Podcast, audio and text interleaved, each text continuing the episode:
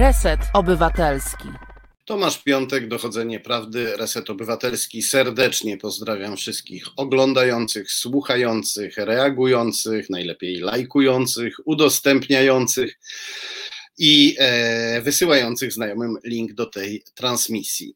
Dzisiaj mam, będziemy mieć aż czterech gości, czworo gości, gości e, wyjątkowych. Będziemy mówić o sprawach e, bardzo ważnych. E, być może pojawi się gość piąty, czyli mój kocur Rysiek, ponieważ grzmi w Warszawie na Muranowie, gdzie w tej chwili jestem i Rysiek może na przykład przyjść tutaj do mnie, żebym go udzielił mu wsparcia duchowego w obliczu burzy. Rysiek nie boi się piorunów, no ale jak tak bardzo mocno wali, no to czasem czuje się pewniej w towarzystwie człowieka.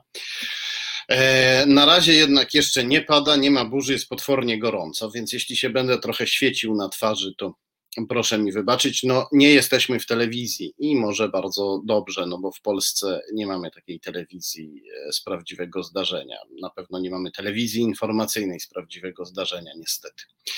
Reset Obywatelski stara się w miarę swoich skromnych sił wypełnić tę lukę i dlatego najserdeczniej, najgoręcej dziękuję wszystkim z Was, którzy wspieracie nas, wspieracie Fundację Arbitror albo wspieracie zrzutkę na Reset Obywatelski. Dzięki tym wpłatom wpłatą na zrzutka.pl i na konto Fundacji Arbitror my możemy pociągnąć dalej. Bez Was nie moglibyśmy, bo Wy jesteście naszymi jedynymi sponsorami. Nie mamy sponsorów e, państwowych ani prywatnych, korporacyjnych. Mamy tylko sponsorów obywatelskich, bo jesteśmy medium obywatelskim. E, dzieją się rzeczy niezwykłe, rzeczy, które dotyczą naszych najbliższych sąsiadów i być może zaraz zaczną dotyczyć nas. E, otóż Aleksander Łukaszenka wymyślił niezwykły sposób na to, żeby zemścić się na Litwie za wsparcie dla białoruskiej opozycji i żeby wywołać na Litwie nastroje, no takie nastroje, które Łukaszenka i Putin e, lubią. O tym porozmawiamy z ekspertem przeglądu bałtyckiego Dominikiem Wilczewskim, który już chyba z nami jest. Tak, jestem. Dzień dobry, dobry wieczór, kłaniam się. Dobry wieczór. E, kiedy zacząłem czytać, co ty publikujesz w mediach społecznościowych i nie tylko, na temat tego, co się właśnie wyrabia e, pomiędzy Białorusią a Litwą, to włosy mi stanęły dęba, bo sobie przypomniałem, jak w sumie całkiem e, Niewielkie liczby e, imigrantów w 2015 roku zostały wykorzystane do wywołania potężnej histerii nie tylko na Węgrzech, gdzie tych imigrantów trochę było, ale także w Polsce, gdzie fala uchodźcza właściwie nie, e, nie dotarła. A tu się okazuje, że e, e, na Litwie będziemy mieć chyba powtórkę i to powtórkę e, nieprzypadkową, tylko wywołaną specjalnie, wręcz sztucznie przez agresywnego wschodniego sąsiada. Czy możesz powiedzieć więcej, co się dzieje? No, myślę, że zacząłbym w pierwszej kolejności od liczb, bo to one robią największe wrażenie i też robią największe wrażenie na E, samych Litwinach czy na władzach litewskich. E, od początku roku przez granicę litewsko-białoruską e, granicę przekroczyło ponad 1600 osób w sposób nielegalny. Mowa jest o osobach, które przekroczyły granicę w sposób nielegalny i potem zostały zatrzymane przez litewskie służby graniczne. E, wrażenie jest e, ogromne z tego względu, że w poprzednich latach takich przypadków było znacznie, znacznie mniej. To było od kilkudziesięciu do stu kilkudziesięciu osób zatrzymywanych w ciągu całego roku. Natomiast już teraz mamy dopiero półrocze, a już tych osób mamy zatrzymanych e, ponad 1600. Na początku roku wszystko wskazywało, że no, ta norma będzie, czy, czy, czy ta sytuacja będzie, będzie w normie tak jak w poprzednich latach, właśnie tam po kilka osób było zatrzymywanych dziennie czy nawet tygodniowo. I nagle w czerwcu, kilka tygodni temu, zaczęły się właśnie takie masowe, masowe przypadki przekroczeń granicy po kilkadziesiąt osób w ciągu doby, aż do stu kilkudziesięciu. Ostatnie, ostatni tydzień to były właśnie takie E, takie sytuacje, kiedy w ciągu doby zatrzymywano 100, 140, 150, 160 osób. I jest to liczba, która jest dla, jak na, jak na zdolności, jak na zdolności absorpcji litewskiej jest dosyć duża, no bo nigdy wcześniej Litwa się z takim dużym napływem migrantów nie zetknęła. Nielegalnych migrantów, jak to się czasami określa w mediach, ja, ja akurat staram się z tym e, pojęciem trochę walczyć, bo uważam, że jest ono e, stygmatyzujące i dlatego staram się go nie używać. Zamiast tego no, wolę jednak używać pojęcia czy migranci po prostu, czy cudzoziemcy, czy osoby, które nielegalnie przekroczyły granicę. E, I takich osób mamy w tym momencie, e, no, teraz jest ich mniej, no bo też nie, nie, wszystkie te osoby, które od początku roku zostały zatrzymane, one cały czas są na terytorium Litwy, ale no mamy ponad tysiąc, ponad tysiąc osób e, w ten sposób zatrzymanych na Litwie. Skąd to się wzięło? No bo to chyba jest to zjawisko, skąd ono się wzięło, bo to chyba jest najbardziej interesujące naszych słuchaczy i widzów pytanie. E, podejrzenie jest takie, że jest to, e, nawet w, tej, w tym momencie władze litewskie już wprost mówią, że jest to, nazywają to elementem wojny hybrydowej czy działań hybrydowych przeciwko Litwie, jako forma odwetu zemsty za to, że Litwa e, wsparła białoruską opozycję. I Białoruś wykorzystuje migrantów jako tak się mówi w mediach litewskich, czy politycy litewscy tak mówią, że Białoruś wykorzystuje migrantów jako broń przeciwko Litwie. Czyli, że są te, ci cudzoziemcy są narzędziem w rękach Łukaszenki, w rękach łukaszenkowskich służb, przy czym ja tu też muszę przypomnieć, bo też może nie wszyscy zdają sobie z tego sprawę, to nie są Białorusini, to nie są obywatele Białorusi, to są obywatele innych państw e, spoza Unii Europejskiej, spoza Europy, bardzo często Irakijczycy, Syryjczycy, Afgańczycy, także obywatele państw afrykańskich, którzy właśnie w jakiś sposób dostają się na Białoruś i potem są e, przerzucani na granicę czy przez granicę białorusko-litewską w jaki sposób, bo zapytam, bo tutaj nasza komentatorka Bożena Breczko napisała, że Łukaszenko ich sprowadza samolotami do Mińska, a potem podwozi pod granicę autokarami. Jest to jedna z, e, może już nawet nie hipotez, tylko jedna z wersji, o której mówią i białoruskie media niezależne, czyli ci dziennikarze, którzy jeszcze tam mają jako taką możliwość e, śledzić te wydarzenia, bo też wiemy, że w ostatnim, ostatnich tygodniach jest ogromny atak e, służb białoruskich na media lokalne przede wszystkim, co też może tworzyć pewną, no można sobie te, te, te wydarzenia ułożyć w pewną, pewną rzeczywistość. E, I e, też potwierdzają to e, litewskie służby, czy też litewskie władze, że funkcjonuje taki schemat, że białoruskie państwowe firmy turystyczne, które są kontrolowane przez administrację prezydenta Łukaszenki, organizują przeloty z Bagdadu, czy na przykład z miast w Turcji oferuje się mm, cudzoziemcom możliwość za określoną kwotę, tam była mowa o kilku tysiącach euro, e, że ci ludzie mogą, mogą te pieniądze zapłacić. W zamian za to są dowożeni samolotami do Mińska, tam są w Mińsku kwaterowani w hotelach i potem, y, czy to właśnie przez te firmy turystyczne, czy to przez służby, są przerzucani na granicę i tam y, no, dosłownie mówiąc kolokwialnie, że ktoś im pokazuje, tam idźcie w tę stronę, tam jest Europa. E, I tutaj e, oczywiście trzeba e, spytać, bo jeśli dobrze rozumiem, ci ludzie nie są na pewno świadomymi agentami, przynajmniej ogromna większość z nich świadomymi agentami Łukaszenki.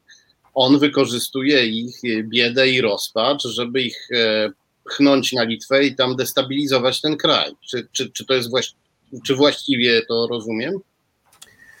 No, wszystko by skłaniało do takiej oceny, przy czym oczywiście tu trzeba zachować pewną ostrożność w ogóle z oceną, um, oceną motywacji tych osób, które się w ten sposób na Litwę dostają, z tego względu, że na razie mamy bardzo mało e, danych na ich temat, poza deklarowaną przynajmniej narodowością czy obywatelstwem, bo też wiadomo o tym, że część z nich nie ma dokumentów, czy że niszczy dokumenty, czy że twierdzi, że zostali tych dokumentów pozbawiona.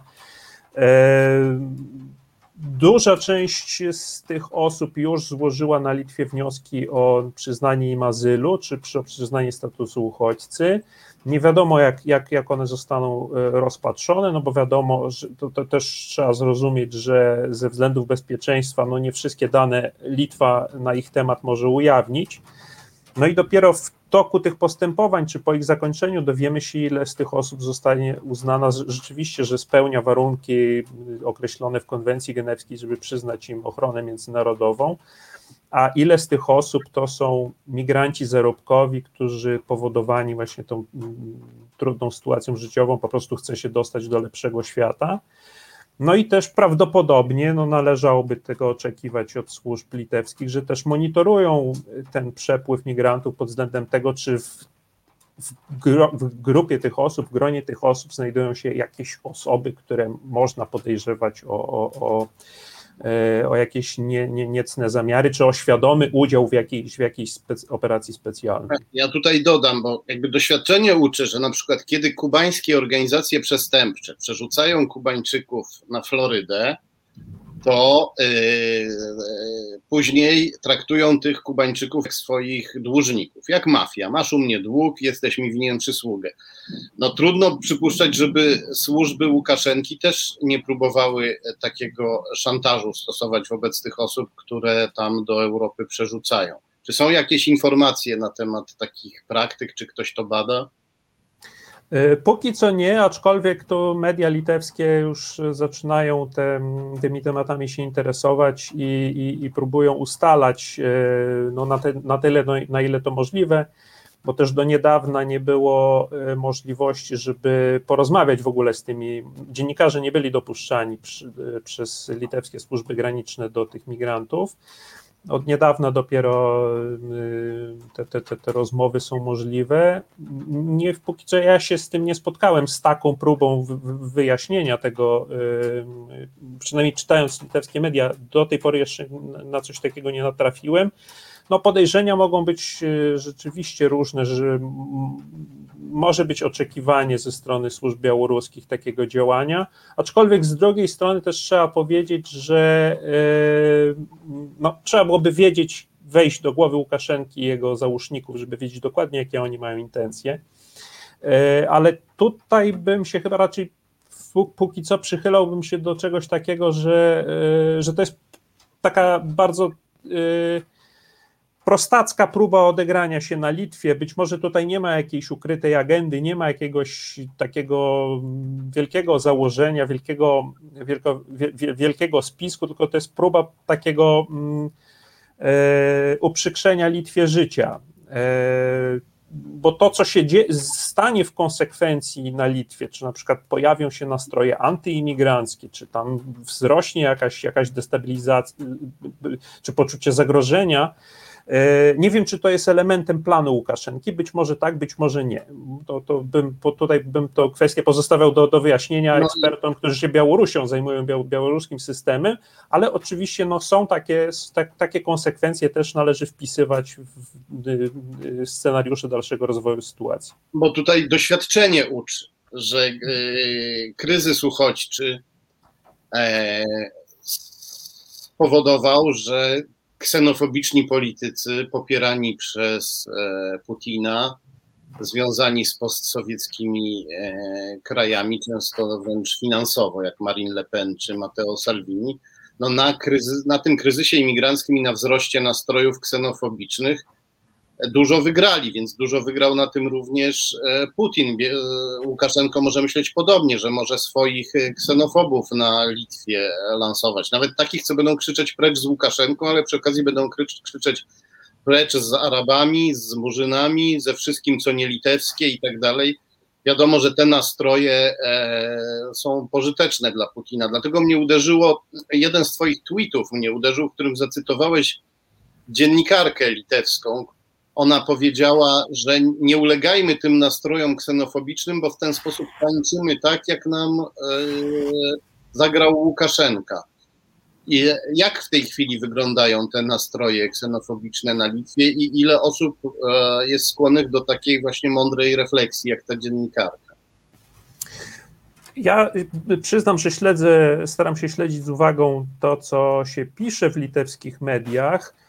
I to yy, i tam takich głosów jest niemało. Myślę, że nawet powiedziałbym, że, że, że większość publicznych wypowiedzi ze strony dziennikarzy, intelektualistów, yy, takich osób publicznych uchodzących za autorytety, utrzymane są w podobnym tonie, czyli próba, to jest próba jednak yy, tonowania tych nastrojów i apelowania do takiego poczucia też y, solidar solidarności Litwinów, apelowanie do takiego, do też do, do historii dość własnego doświadczenia Litwinów, którzy sami są narodem emigrantów, którzy bardzo często emigrowali właśnie za, z jednej strony emigrowali za chlebem w poszukiwaniu lepszego życia, ale też emigrowali gdy, gdy, gdy, gdy ich ojczyzna była anektowana przez Związek Radziecki. E, i też szukali schronienia za granicą i też nie zawsze wszędzie byli przyjmowani z otwartymi rękoma. Więc y, takich głosów jest całkiem sporo. Aczkolwiek trzeba mieć też y, na uwadze to, że, mm, że na Litwie są obecne nastroje ksenofobiczne. Jeśli się spojrzy do litewskiego internetu, do litewskiego Facebooka, czasami poczyta się komentarze, jakie tam piszą zwykli ludzie, no to niektóre, niektóre te, te, te, komentarze są faktycznie y, y, takie, że włos się jeży na głowie. E, padają tam no, rasistowskie komentarze, czy, czy mowa nie, które można kwalifikować jako mowę nienawiści. E, więc ten obraz jest bardzo zróżnicowany. Jeżeli możemy mówić o jakichś e, nastrojach, które są uchwycone w badaniach, to mamy takie badania z października ubiegłego roku, przeprowadzone na zlecenie Instytutu Badań Etnicznych, e, które wskazują, że Litwini są raczej niechętni do przyjmowania na Litwie osób, które byłyby, że tak powiem, obce z innego kręgu kulturowego jest bardzo duże poparcie dla przyjmowania Białorusinów, którzy są prześladowani na Białorusi, ale już dużo mniejsze, dużo mniejsze poparcie dla tego, żeby przyjmować e, uchodźców wyznania muzułmańskiego. Jeśli już przy, przyjmować uchodźców, to, to raczej chrześcijan, czy właśnie Białorusinów, Rosjan prześladowanych w swoim kraju, ale y, poparcie dla przyjmowania uchodźców muzułmańskich czy uchodźców klimatycznych to jest też takim zjawiskiem jeszcze chyba nie do końca rozpoznanym na Litwie, waha się tam na, na około, mniej więcej na poziomie 30%, a ponad połowa byłaby, byłaby temu przeciwna. Więc takie są nastroje na Litwie, które yy, gdyby ktoś chciał je wykorzystać, a pewnie ktoś będzie chciał je wykorzystać, bo już mamy na to przykłady, no to, to, to, to, to jest, jest ryzyko powstania na przykład jakiegoś dużego ruchu antyimigranckiego, który też może tą, tą, tym systemem politycznym jakoś próbować wstrząsnąć. A wspominałeś też w Twoich tweetach, artykułach, widziałem, e, cytowałeś e, pisałeś o czymś, co się nazywa, e, e, jeśli dobrze pamiętam, e, ruch, litewski ruch rodzin, tak? Czy, I ten litewski ruch e, rodzin, jak rozumiem, zapewne reprezentuje tak zwane tradycyjne wartości rodzinne, które u nas się często wiążą z e, hejtem, e, z sekciarską religijnością ale ten litewski ruch e, rodzin e, występuje właśnie przeciwko migrantom. Czy, czy coś wiadomo więcej o tym litewskim ruchu rodzin? Skąd on się wziął?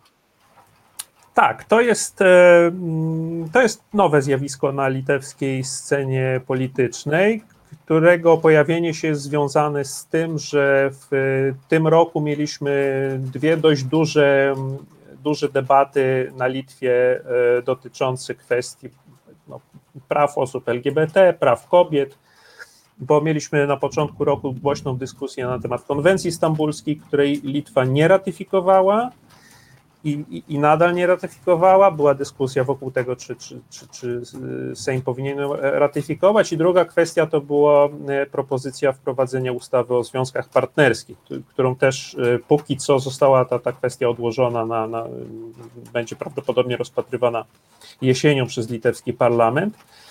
I w, jako sprzeciw wobec, wobec tych, tych, tych postulatów, no właśnie powstała taka grupa, która na początku była bardzo enigmatyczna, nie bardzo było wiadomo, kto za nią stoi. I pierwszym, pierwszą dużą inicjatywą tego ruchu rodzin był marsz, Wielki Marsz w obronie rodziny, który miał miejsce w połowie maja, zebrał około 10 tysięcy osób w Wilnie, gdzie postulaty były przeróżne, bo nie tylko chodziło o ochronę rodziny przed prawami osób LGBT, jakkolwiek by to dziwnie dla nas nie brzmiało, ale też tam były wątki anty, anty, antylockdownowe, czyli sprzeciw wobec lockdownu, sprzeciw wobec szczepień, dużo też wątków nacjonalistycznych, czyli no, przeciwko, przeciwko prawom dla mniejszości narodowych. No i, no i tutaj przerwę. Jeżeli mamy nacjonalizm, antyszczepionkizm, anty-LGBtyzm i e, do tego jeszcze antymigrantyzm, no to to jest ten typowy koktajl, którym putinowskie trolle i portale fake newsowe zawracają w głowach Polakom od siedmiu lat. Więc jakby ten litewski ruch rodzin wygląda raczej jak putinowski albo łukaszenkowski ruch trolli. Czy badano jakby te powiązania e, wschodnie tego ruchu? No tutaj jak bardzo bym e, być może nie chciał e, doszukiwać się palca Rosji, no to tutaj muszę przyznać, że, że ten palec Rosji jest widoczny w przypadku działalności tej organizacji bo wiadomo, że wsparł tą, tę organizację, wsparł swoim autorytetem były prezydent Litwy Rolandas Paksas, który został odsunięty od stanowiska właśnie za to, że e, złamał konstytucję, między innymi przyznając obywatelstwo litewskie zaprzyjaźnionemu e, rosyjskiemu biznesmenowi. E, wsparł tę, tę organizację biznesmen i wydawca brukowca e, czy tabloidu, to jest w tej chwili portal Republika, Witas Tomkus, którego też się oskarża o to, że on na łamach tego swojego, na łamach tego swojego czasopisma, tej czy tego swojego portalu rozpowszechnia nie tylko treści o charakterze rasistowskim, homofobicznym, ale też te y, treści, które są uważane za, za, za y, kremlowską propagandę czy takie różne manipulacje, które wpisują się w kremlowską propagandę. Więc tutaj jest ta, ta, te powiązania są faktycznie dosyć, dosyć wyraźne, czy te ewentualne inspiracje. I, i, i, ten, I ten wątek jest faktycznie badany przez e, litewskich dziennikarzy którzy wskazują na te powiązania, wskazują na to, że jeden z, e, jednego z inicjatorów tego, te, tego ruchu rodzin zaangażowanego w e, jego organizację jakiś czas temu dostrzeżono, że, że poruszał się powilnie samochodem z, na, e, z tablicami rejestracyjnymi ambasady białoruskiej, więc te wątki są, są obecne. Ostatnie pytanie wiemy z doświadczenia, że na postsowieckie reżimy, kiedy przetestują jakąś akcję właśnie hybrydowo-dywersyjną w mniejszym kraju, potem lubią ją powtórzyć w dużym kraju. Mieliśmy przykład e, afery e, taśmowej e, w Polsce, później ten schemat powtórzono w przypadku Hillary Clinton w Stanach. Czy Myślisz, że to jest możliwe, że jeśli akcja się powiedzie na Litwie, to Łukaszenko spróbuje na większą skalę zafundować taki e, sztuczny napływ migrantów w Polsce? To jest bardzo prawdopodobne i chyba już po trosze, to, to, trochę to widzimy, bo też do, do, dochodzą e, wiadomości z pogranicza polsko-białoruskiego, że też są zatrzymywani e, migranci którzy nielegalnie przekroczyli granicę z Polską, e, więc e, jest, jest możliwe przeprowadzenie takiej, jeśli to jest oczywiście, te wszystkie dowody nam to potwierdzą, że rzeczywiście jest to taka spec, operacja specjalna białoruskich służb, no to jest możliwe, że ona zostanie również e, powtórzona i w odniesieniu do Łotwy, bo też to jest państwo graniczące z Białorusią i też tam już się też odnotowano wzrost liczby osób nielegalnie przekraczających granicę i w stosunku do Polski. Bardzo dziękuję za rozmowę. Temat jest gorący, więc pewnie jeszcze będziemy się w następnych tygodniach widzieć. E, ogromnie dziękuję i pozdrawiam. Dziękuję również i pozdrawiam słuchaczy. E, a my za chwilę porozmawiamy z Anną Mierzyńską. Wcześniej poproszę oczywiście naszą wspaniałą realizatorkę Asiator o kilka minut muzycznej przerwy, ale uczulam wszystkich. Temat jest bardzo e, ważny, ten, o którym mówiliśmy. Zapewne e, może się zdarzyć, że już za chwilę zostanie w Polsce rozpętana kolejna histeria antyimigrancka E, uprzedzajmy znajomych, mówmy im, co Łukaszenka robi Litwie i że zaraz może zacząć robić to nam, być może już zaczął i że musimy być na to odporni. Nie możemy być narzędziami, marionetkami w rękach wschodniego tyrana, który przyciśnie guziczek pod tytułem ksenofobia, a my zaczynamy krzyczeć i wrzeszczeć. Musimy być odporni, musimy e, miłosiernie, ale też czujnie traktować te osoby, które trafiają do, e, e, do Polski, które najprawdopodobniej są też ofiarami manipulacji Łukaszenki, ale musimy oczywiście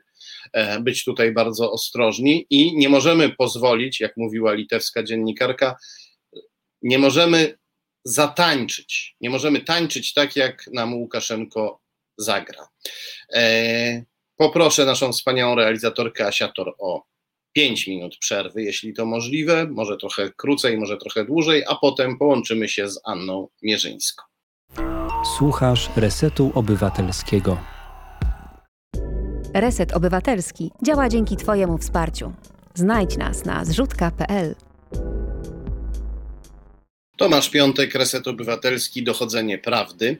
Zanim przejdziemy do rozmowy z Anną Mierzyńską, chciałem jeszcze pozdrowić naszego komentatora, a inkwizytora, komentatora o pięknym niku Inkwizytor, który przypomniał nam o konkursie Fundacji Inspiratornia, konkursie dla dziennikarzy pod tytułem Uzależnienia XXI wieku. Temat rzecz jasna, który porusza nas wszystkich, mnie być może porusza szczególnie. E, zachęcam e, wszystkich zainteresowanych lub potencjalnie zainteresowanych, żeby zapoznali się z fundacją i z konkursem. A my e, zaczynamy rozmowę z Anną Mierzyńską. O ile Anna Mierzyńska już się z nami połączyła, jest. Witam Cię. Oczywiście, że się połączyłam. Dzień dobry, witam wszystkich. Anno, ty przegryzłaś się, jeśli można tak powiedzieć, dogłębnie przez aferę mailową, aferę ministra e, Dworczyka. Czytałem Twoje artykuły, z których e, wynika, że e, białoruskie służby, zapewne współpracujące z rosyjskimi, od dłuższego czasu miały dostęp do różnych materiałów ze skrzynki mailowej ministra Dworczyka. Czy mamy z tego rozumieć, że PiS być może niechcący powiedział prawdę i doszło do e, ataku ze wschodu na nasze skrzynki e, mailowe? E, nie wiem, czy Tomku wiesz, że dzisiaj jest taki dzień, jak się okazuje, jak w jakimś mierze przełomowy w tej aferze Dworczyk Leaks, ponieważ tuż przed naszym programem dostałam taką wiadomość, no bo ty wiesz zapewne, y, nie wiem czy Państwo wiecie, że dzisiaj odbyła się konferencja prasowa ministra Dworczyka, na której odpowiadał na pytania dotyczące tej afery. Odpowiadał mało konkretnie, niewiele z tego wynikło. Natomiast jak się okazuje, poza tą konferencją, w KPRM odbyło się dziś spotkanie z dziennikarzami, na której e, podawano dziennikarzom pewne konkrety dotyczące tej afery. Y, nie można było tego zapisywać, robić zdjęć, więc zupełnie mm, taki przekaz y, manualny, że tak powiem, mamy. E, no i tam y, rzeczywiście potwierdzono, że doszło do ataku ze wschodu. Tak. I że to był atak y, dużo szerszy niż na skrzynkę ministra Dworczyka, o czym i ja wielokrotnie mówiłam i po, po jakimś czasie też mówiły służby, to nam podawało, podały jakieś ogromne liczby, natomiast dzisiaj podano, że jak to ładnie ujęto, sieć zarzucono na 2000 osób, złowiono 720 osób, mniej więcej, tam 720 kilka.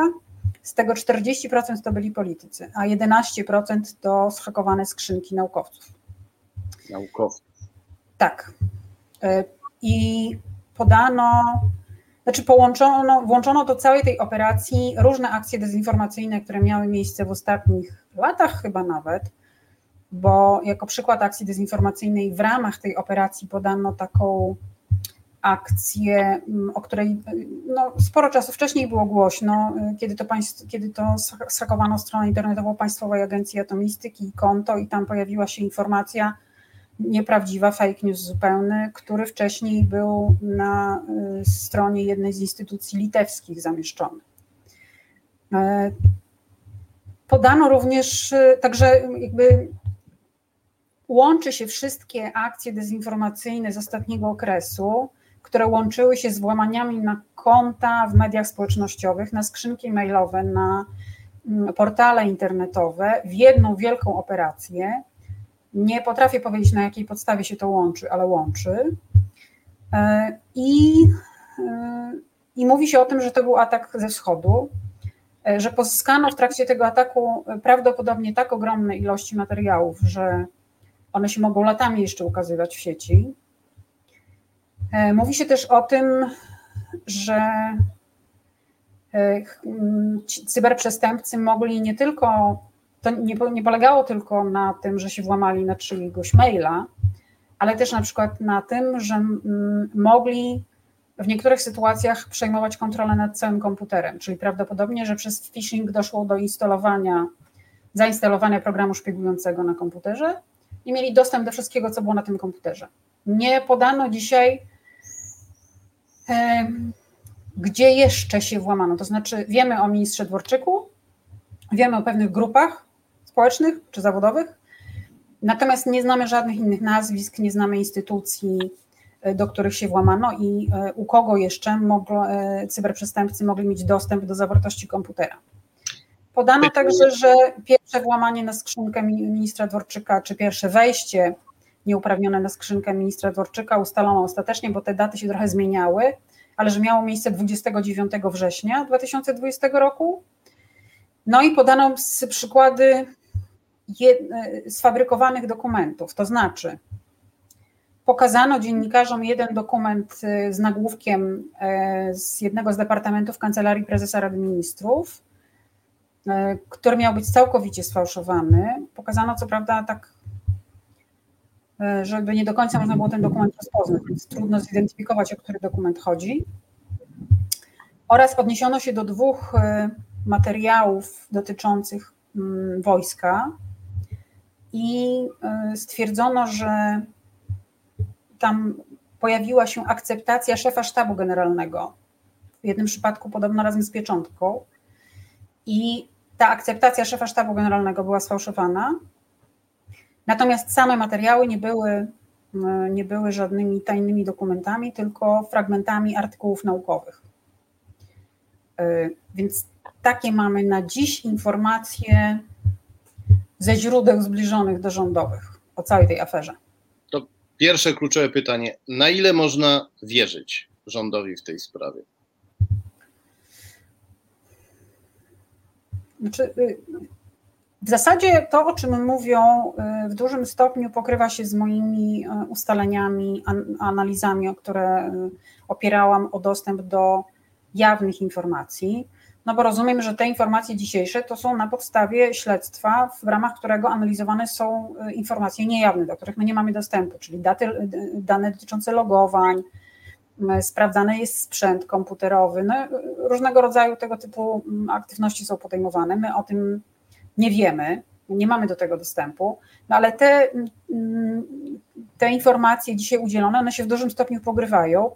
Nadal wielu rzeczy podstawowych nie wiemy, to znaczy, jak naprawdę szeroki był ten zakres tego nieuprawnionego dostępu, do czyich do czyich komputerów był ten dostęp, czy do innych instytucji jakichś e, rządowych, państwowych był też dostęp, jakiego rodzaju materiały e, mogą się ukazywać, jakie jest e, zagrożenie dla bezpieczeństwa państwa, czy takie pytanie trzeba sobie postawić po ostatnich wyciekach maili w, przed weekendem. Czy jakieś jest zagrożenie dla osób współpracujących z polskich rządem, na przykład z białoruskiej opozycji? Bo to jest coś, co, co naprawdę mnie bardzo niepokoi, kiedy widzę maile, w którym wymieniane na prywatnych skrzynkach e, mailowych, no bo nikt nie powiedział dzisiaj nawet o tym, że te, te materiały zostały sfabrykowane, czyli uznajemy, że one są prawdziwe.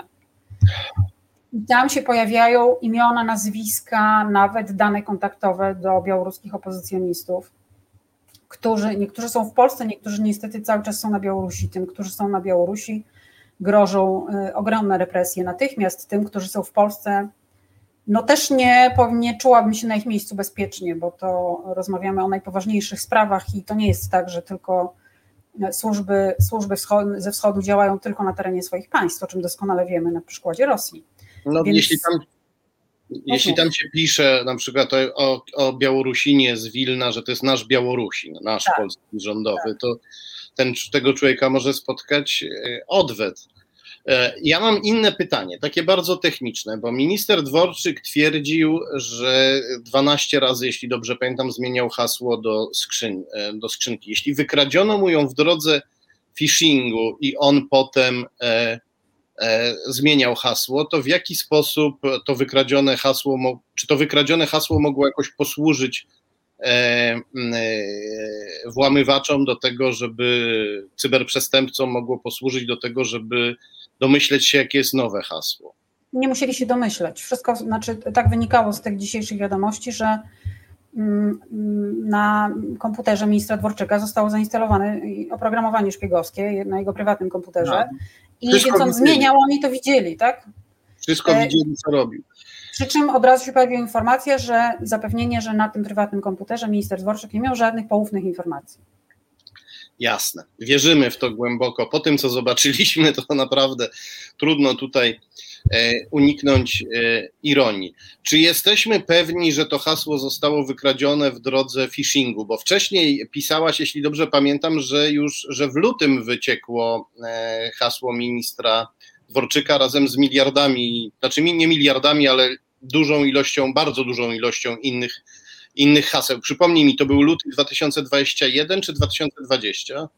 2021, ale te informacje wbrew pozorom nie są ze sobą sprzeczne, ponieważ ten wyciek COMP21, zdaje się, tak się nazywał, miliardy kont i haseł, dobrze mówiłeś, on był kompilacją wszystkich wcześniejszych wycieków, także pozyskania danych w wyniku phishingu. Aha, czyli tam jakby Rosjanie też mieli w tym udział, w tym ogromnym wycieku. Z całą pewnością mieli, bo mhm. oni mieli udział w różnych wcześniejszych włamaniach. Te grupy szpiegujące, e, pracujące na zlecenie rządów, e, między innymi rządu rosyjskiego. Więc te dane, to, że w lutym dane dostępowe do konta ministra pojawiły się w tym wycieku, y, do którego dostęp miał każdy, nie oznacza, że one nie były już wcześniej, znaczy to oznacza tak naprawdę, że właśnie one musiały być wcześniej schakowane, tak? Wcześniej musiał dokonać tego odczytania tych, y, tych danych, włamać się na to konto, żeby i gdzieś na dodatek je to, te, te dane udostępnić w sieci, żeby potem można to było skompilować w jeden wielki plik i w tej postaci udostępnić go w lutym. Także my nie wiemy, znaczy tutaj jest mowa o tej wielkiej sieci zarzuconej na 2000 osób. Nie wiemy na ten temat nic, to znaczy na jakiej podstawie zarzucono sieć na te 2000 osób. Czy może właśnie korzystano z wcześniejszych wycieków danych w sieci, w internecie i na tej podstawie wyławiano osoby interesujące czy związane z Polską i na tej podstawie podsyłano im kolejne, kolejne mm, maile z atakiem, z, zawierające atak phishingowy. No, no, to, to, to jest coś, co, o czym możemy spekulować, no, jakby nikt o tym nie mówi na poziomie konkretów. Tutaj pojawia się pytanie, które często słyszę, dlaczego Białorusini i Rosjanie mieliby atakować i kompromitować, atakować to jedno, ale publicznie kompromitować kogoś takiego jak minister Dworczyk i, i premier Morawiecki, osoby, politycy antyukraińscy, antyzachodni, politycy, których działalność jest e, dla Rosji, e, szczególnie jeśli chodzi o taki powiedzmy szerszy, długoterminowy, strategiczny plan, bardzo korzystna i pojawiają się trzy odpowiedzi. Jedna mówi tak, że Rosjanie przede wszystkim chcą generować chaos w Polsce, dopóki nie są Rosjanie i oczywiście ich białoruscy sojusznicy. E, dopóki nie są w stanie nad Polską całkowicie zapanować, to chcą mieć tutaj taki małpi cyrk, gdzie wszyscy się gryzą i nikt nie wie o co chodzi. Druga odpowiedź, którą na samym początku jakby e, sformułował generał Pytel, były szef kontrwywiadu wojskowego, jest taka, że e, Rosjanie chcą pokazać Amerykanom, że w Polsce nie mają czego szukać, ponieważ z tych materiałów wynikało, że polskie wojsko i polski rząd jest opanowany przez e, wpływowe osoby antyukraińskie, antyamerykańskie, że Rosjanie chcieli tutaj, jakby to powiedzieć, e, oznaczyć swój teren, tak żeby Amerykanie wiedzieli, że tu się nie opłaca nawet w Polsce próbować czegokolwiek robić z Polakami, którzy są już tylko pozornymi sojusznikami. Wczoraj generał Pytel napisał na Twitterze, że może też chodzić o zastraszenie E, PiS po to, żeby z tych e, sojuszników e, czy kryptosojuszników, ukrytych sojuszników Kremla, jakimi są pisowcy, zrobić sojuszników jawnych, jawnie zastraszonych, zdominowanych. Czyli tutaj jakby afera mailowa byłaby dalszym ciągiem, drugim sezonem afery taśmowej. Afera taśmowa to była marchewka, jaką PiS dostał od Rosji. Pomożemy wam obalić prozachodni rząd Platformy tak można to streścić. A w drugim sezonie w aferze mailowej jest, ale jesteście naszymi dłużnikami, wiemy o was wszystko i bądźcie grzeczni, bo jeszcze gorsze maile wyjdą na jaw. Takie trzy e, odpowiedzi się jakby nasuwają, są formułowane i chciałem cię spytać, one się nie wykluczają zresztą oczywiście, bo jak wiadomo, doświadczony szachista ma zawsze w głowie kilka operacji alternatywnych. Pytanie jest, e, e, które, która z tych odpowiedzi jest najwłaściwsza, który z tych celów jest najważniejszy dla, e, dla Rosjan. A jeśli widzisz jeszcze jakąś inną celowość, to też oczywiście poproszę Cię, żebyś się z nami podzieliła. Ja przede wszystkim zwrócę uwagę na to, co powiedziałeś. One się nie wykluczają. Ja nie wiem, który cel jest dzisiaj dla, dla stojących za tą operacją najważniejszy. Podzielę się natomiast kilkoma refleksjami. Po pierwsze, oceniając celowość działań y, Rosji, czy Rosji głównie, bo jeżeli nawet to jest współpraca z Białorusią, to jakby mózgiem operacyjnym zazwyczaj jest Rosja.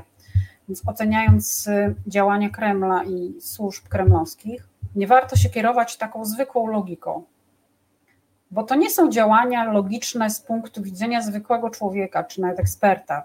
Taki, taka zwykła, normalna logika, tak? Weźmy na przykład to, co się działo w Stanach Zjednoczonych po pierwszy, znaczy przed pierwszymi wyborami prezydenckimi, kiedy Trump wygrał, i zaraz po tych wyborach, czyli 2016 rok, kiedy Rosja bardzo intensywnie ingerowała w e, kampanię prezydencką. E, z badań, ze śledztw głębokich wynika, że ingerowała po obu stronach. Mimo, że oczywiście Trump był kandydatem, na którego zwycięstwie bardziej jej zależało. To oczywiste ale zwłaszcza wtedy, kiedy okazało się, że Trump już, jest, już ma przewagę e, na, tych, na tym ostatnim etapie mm, kampanii oraz zaraz po wyborze Trumpa, kiedy już było wiadomo, że on wygrał, e, Rosja zaczęła e, angażować się po stronie Hillary Clinton, chociaż też w bardzo różny sposób, bo na przykład organizowano jeszcze w czasie kampanii, organizowano, czy, czy próbowano organizować manifestacje na rzecz Clinton, ale manifestacje na przykład Afroamerykanów albo Latynosów, żeby pokazywać, że to są, że to te grupy popierają Hillary Clinton, e, a i, i co miało wzbudzić jeszcze większą niechęć do Hillary Clinton ze strony tak zwanych e, białych mężczyzn amerykańskich tam. I, więc patrząc tak na logikę, to jest bez sensu, no bo jak można angażować się po obu stronach, tak? To się osłabia swego, swego kandydata.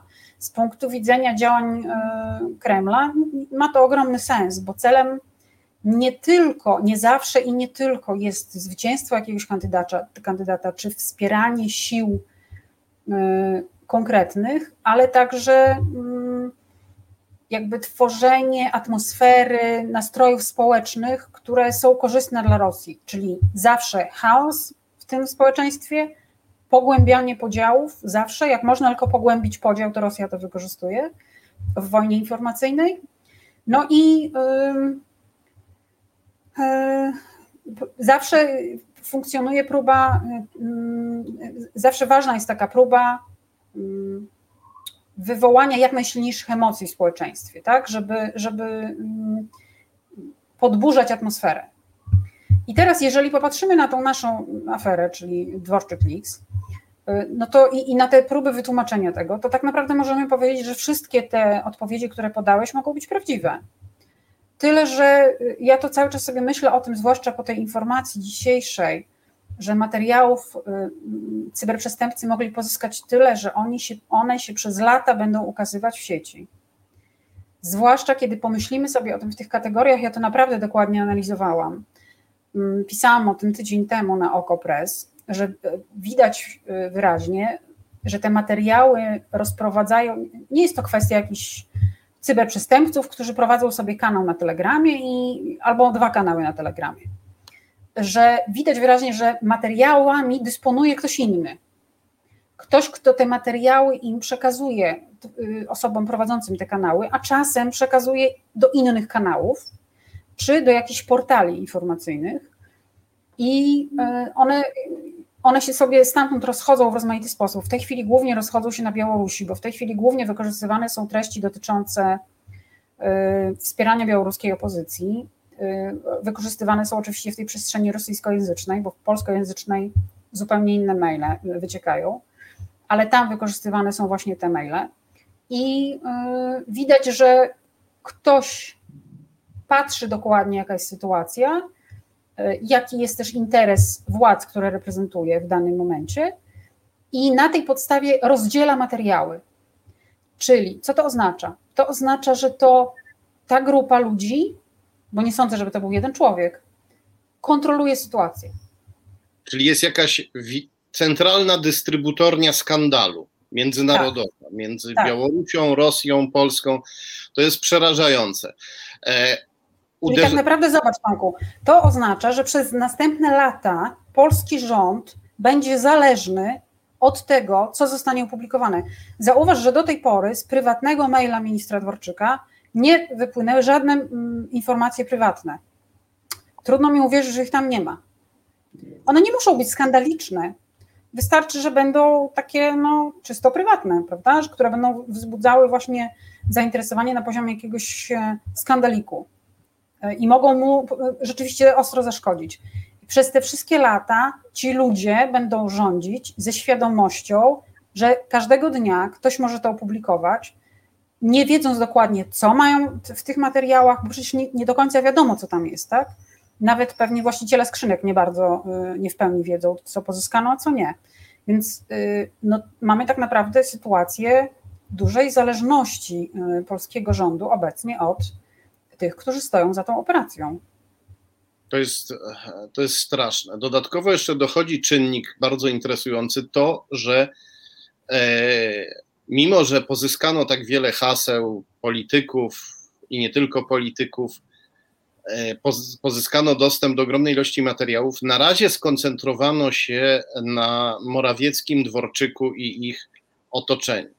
To sugeruje też, że e, na tym, że, że, że Rosjanie i Białorusini chcą zaingerować w wewnętrzne rozgrywki wewnątrzpartyjne w PiS, czyli bardzo głęboko chcą zaingerować w naszą politykę. A moi informatorzy mówią, że to się nie odbyło bez współudziału jakichś grup e, e, związanych z obozem władzy. Z tego, co zbieram informacje, i wyłania się taki obraz, że tutaj jakoś kontaktowali się z Białorusinami, kontaktowały się osoby z otoczenia e, marszałka Terleckiego i, e, i Solidarnej Polski. Choć mo, może niekoniecznie, niekoniecznie Zbigniew Ziobro o tym wiedział, ale niektóre osoby z Solidarnej Polski mogły, mogły o tym wiedzieć. Taki obraz się wyłania.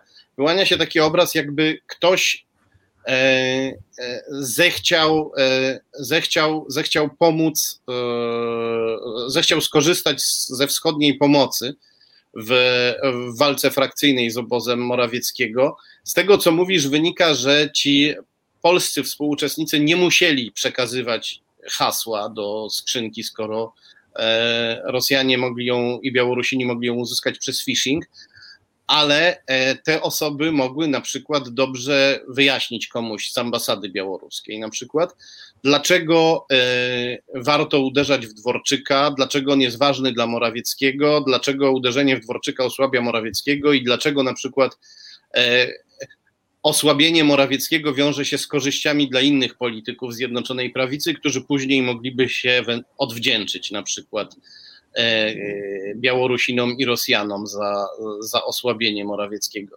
Taki obraz się rysuje z moich e, rozmów. Chciałem Cię e, zapytać, jak, jak, ty, jak Ty to widzisz? Na ile taki obraz jawi Ci się jako prawdopodobny?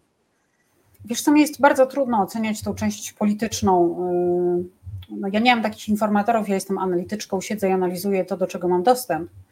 Natomiast cały czas bardzo mnie zastanawia na przykład to, absolutnie tego nie wiemy, kto prowadzi te konta na Telegramie, zwłaszcza te polskie, to jest takie interesujące, tak? Potem ta osoba, czy te osoby, które prowadzą konto na Telegramie, yy, to działające od czerwca, nie tylko piszą doskonale po polsku, ale też wykazują się, o czym mówiliśmy już wcześniej u Ciebie w programie, wykazują się dużą znajomością takiego języka e, powszechnego, powszedniego, języka polskiego, też takiego internetowego. E, też się wykazują dużą znajomością i polskiej przestrzeni sieciowej, bo tam wykorzystują rozmaite filmiki, memy. E, no, naprawdę wiele mają, wiele kreatywności wykazują w tym zakresie, ale też widać, że orientują się w bieżącej polityce polskiej.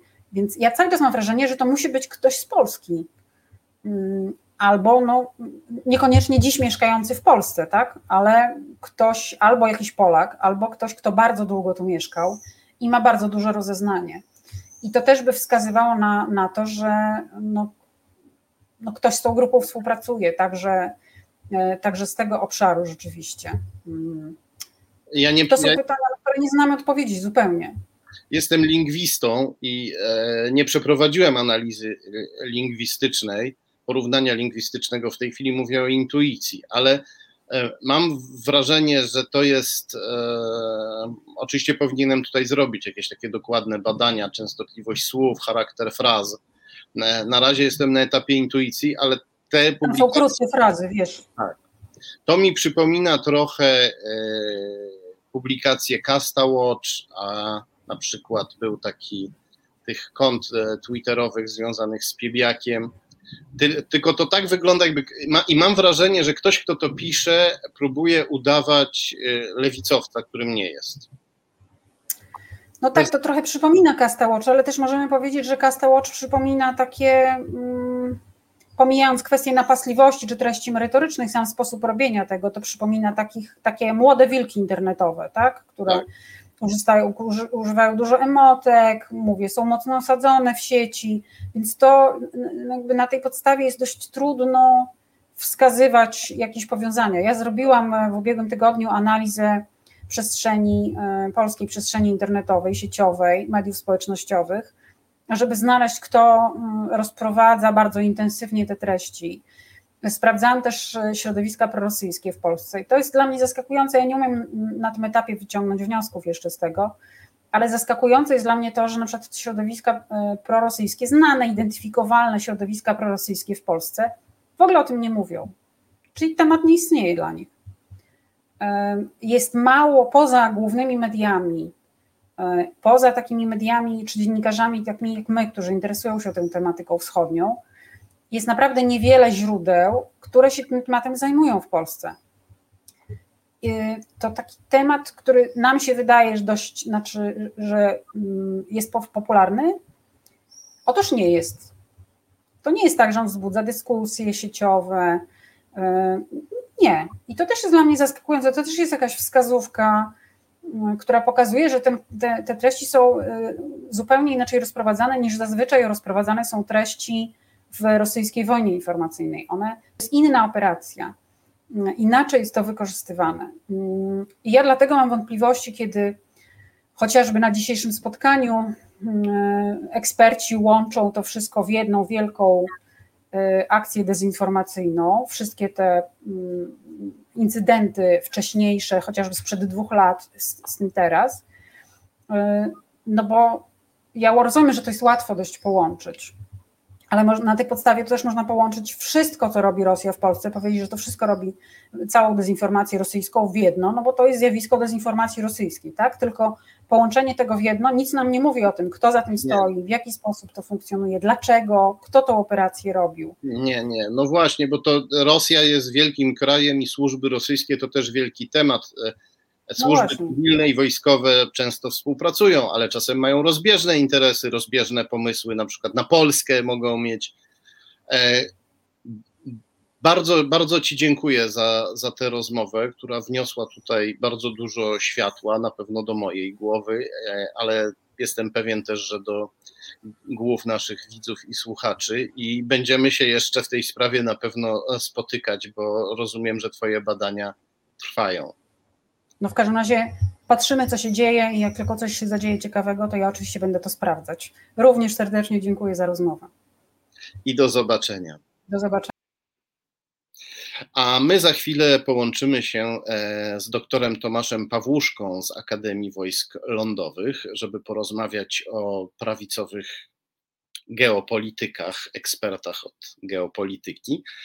Ale e, najpierw poproszę naszą wspaniałą realizatorkę Asiator o kilka chwil muzyki. Słuchasz Resetu Obywatelskiego. Znudzeni mainstreamowymi newsami? Czas na Reset Obywatelski.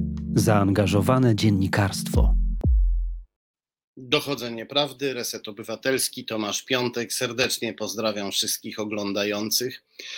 E, moi drodzy, zapewne wiecie, że jest taka dziedzina myśli, która się nazywa geopolityka.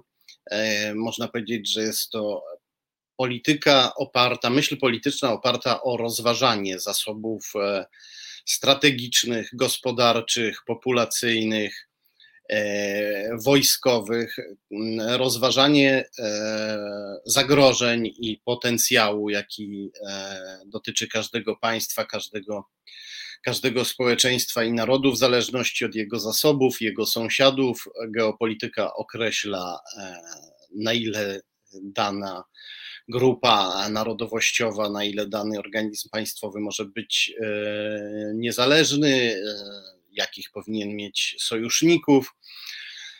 To jest bardzo ciekawa dziedzina, związana też z, można powiedzieć, z analizą charakterystyk różnych cywilizacji i kultur. E, bardzo, bardzo ciekawa dziedzina. No i w Polsce niestety ta e, dziedzina została zdominowana przez e, ludzi, no, ludzi, których myśl budzi spore kontrowersje, mówiąc delikatnie. Niedawno wstrząsnął, wstrząsnął e, ekspertami artykuł e, niejakiego Marka Budzisza, E, Marka Budzisza, który na portalu pisowskim, jak najbardziej opłacanym przez pisowskie spółki Skarbu Państwa, na portalu braci Karnowskich w polityce.pl opublikował o tym artykuł, artykuł o tym, jakoby Polska, pisowska Polska, rządzona przez PiS, powinna zacząć dialog e, z Moskwą.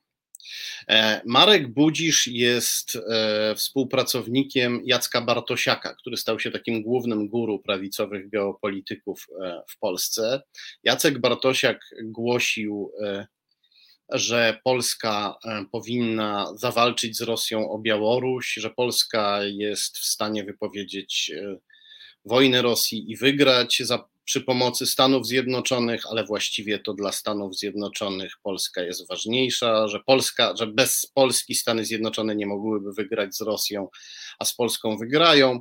Potem e, Jacek Bartosiak po upadku Donalda Trumpa zaczął sugerować, że teraz Amerykanie nas zdradzą, będą rozmawiać z Rosją ponad naszymi głowami. Tu się pojawiła przerażająca myśl, e, że e, przerażające pytanie, że moglibyśmy tej wojny z Rosją bez Amerykanów jednak nie wygrać, ale potem Jacek Bartosiak opublikował taki artykuł o, o tym, taki można powiedzieć artykuł e, będący mieszanką biblijnej przypowieści i e, analizy strategicznej o tym, że Dawid może wygrać z Goliatem. Odczytano to jak aluzji, aluzyjnie sformułowane no, wizję zwycięstwa samotnej Polski w walce w walce z Rosją. E, tu można odnieść wrażenie, że wizje Budzisza i Bartosiaka, którzy współpracują ze sobą, są e, rozbieżne, no bo Budzisz chciałby się dogadywać z Moskwą, a Bartosiak już widzi, jak z nią zwyciężamy, ale e, być może w jakiś sposób te e, wizje, obie bardzo kontrowersyjne, w jakiś sposób są ze sobą zbieżne. Dodajmy, że Bartosiak jest gorącym zwolennikiem współpracy z Chinami, które są teraz w strategicznym sojuszu z Rosją. Nie wiemy, czy ten sojusz będzie długo trwał, ale w tej chwili jest mocny. I o tym wszystkim chciałem e, powiedzieć, porozmawiać z ekspertem od geopolityki, doktorem Tomaszem Pawłuszką z Akademii Wojsk Lądowych, który już z nami e, jest. Dzień dobry, panie redaktorze, dzień dobry państwu. Dzień dobry, panie doktorze. Czy domyślam się, że słyszał pan ten mój E, wstęp starałem się jak najszybciej streścić różne wizje, które się w głowie Bartosiaka i jego środowisku, jakby to powiedzieć, kotłują, bo tu trudno użyć innego określenia. Jak pan, e, jakby mógł, byłbym wdzięczny, gdyby mógł pan nam powiedzieć więcej o tych wizjach i o tym, jak się pan na nie zapatruje z punktu widzenia interesu i bezpieczeństwa Polski. Znaczy, to jest duży temat, bo jeśli byśmy powiedzieli jednym zdaniem, co to jest geopolityka, no to są po prostu geograficzne uwarunkowania stosunków międzynarodowych. I e, no tutaj, tak jak pan redaktor wspomniał, jest bardzo dużo zmiennych, bardzo dużo zagadnień. E, no i też te projekty, nie wiem, jakby to określić, próba promowania określonych osób przy użyciu myślenia geopolitycznego, bo ja to traktuję jako produkt wiedzowy, udający trochę wiedzę, mieszający trochę ludziom w głowach, e, no to jest, e, to ma niewiele wspólnego z realną geopolityką, taką jak ona jest dzisiaj na Zachodzie uprawiana, bo jest. E, to jest rodzaj takiej publicystyki geopolitycznej. I dlaczego o tym mówię? Ponieważ no, mamy coś takiego jak nauki wojskowe. I tam rzeczywiście występują terminy takie jak głębia strategiczna albo teatr pola walki. I to dla przeciętnego słuchacza czy czytelnika no jest mało zrozumiałe, ale tak jakoś fajnie brzmi. I więc jeśli na tej podstawie wytworzymy kilkanaście różnych innych terminów, jak przepływy strategiczne, punkty wpływu, szoki strategiczne, mapy mentalne, to jest to jest, sprawia wrażenie, że to jest taki język ekspercki, że to jest taka geopolityka, że to jest coś bardzo poważnego. Tymczasem, no jeśli pan redaktor streścił argumentację przed chwilą właśnie osób, które używają geopolityki do rozumienia, no próbują jej używać do rozumienia różnych procesów, no to no, musimy zacząć od konfrontacji z faktami, tak? czyli e, tego, co tak naprawdę e, stoi za takimi tekstami. No bo mamy tekst, e, pan wspomniał o tekście Budzisza, prawda?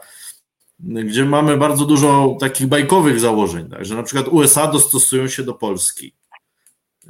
Chwilę po tym, jak Amerykanie odcięli finansowanie Trójmorza, tak? albo że USA będą finansować to Trójmorze, albo że Niemcy i Francja nie będą rozmawiać z Rosją, gdzie mają 300 lat rywalizacji imperialnej między sobą. A jednocześnie my sami chcemy, y, tak jak sugeruje Budzisz, rozmawiać z Rosją ponad głowami Litwy i Ukrainy, co jest wprost wspomniane w tekście, jako argument nacisku na te kraje.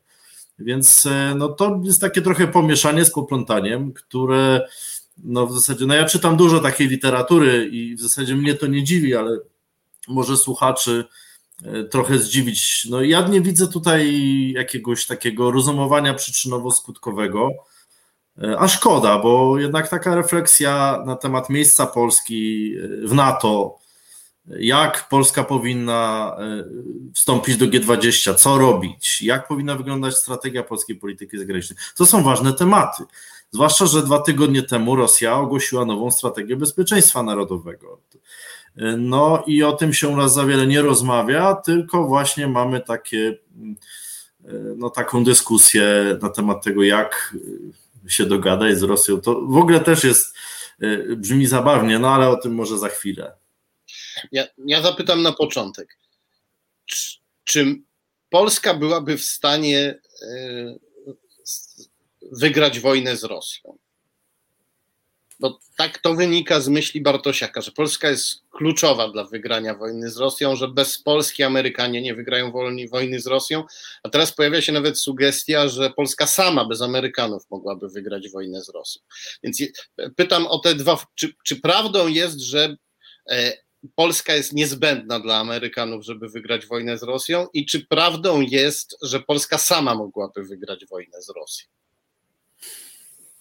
No to jest taki trochę forecasting. Ja bym powiedział, że Polska w ramach NATO z całym zaangażowaniem logistycznym sojuszu, który obecnie dystansuje się od Polski, co widzieliśmy w wywiadzie generała Gocuła niedawno, jak te sygnały były wysyłane przez ostatnie lata przez e, partnerów i teraz to, co robią Amerykanie pod przywództwem Bidena, E, wydaje się, że mm, jeśli weźmiemy globalnie stosunek sił NATO-Rosja, no to Rosja na taki konflikt się nie zdecyduje. Natomiast Rosja ma po prostu broń nuklearną i e, kosmiczną, do tego e, bardzo dużo wojsk powietrzno-desantowych, więc w początkowej fazie konfliktu na pewno by zyskała przewagę.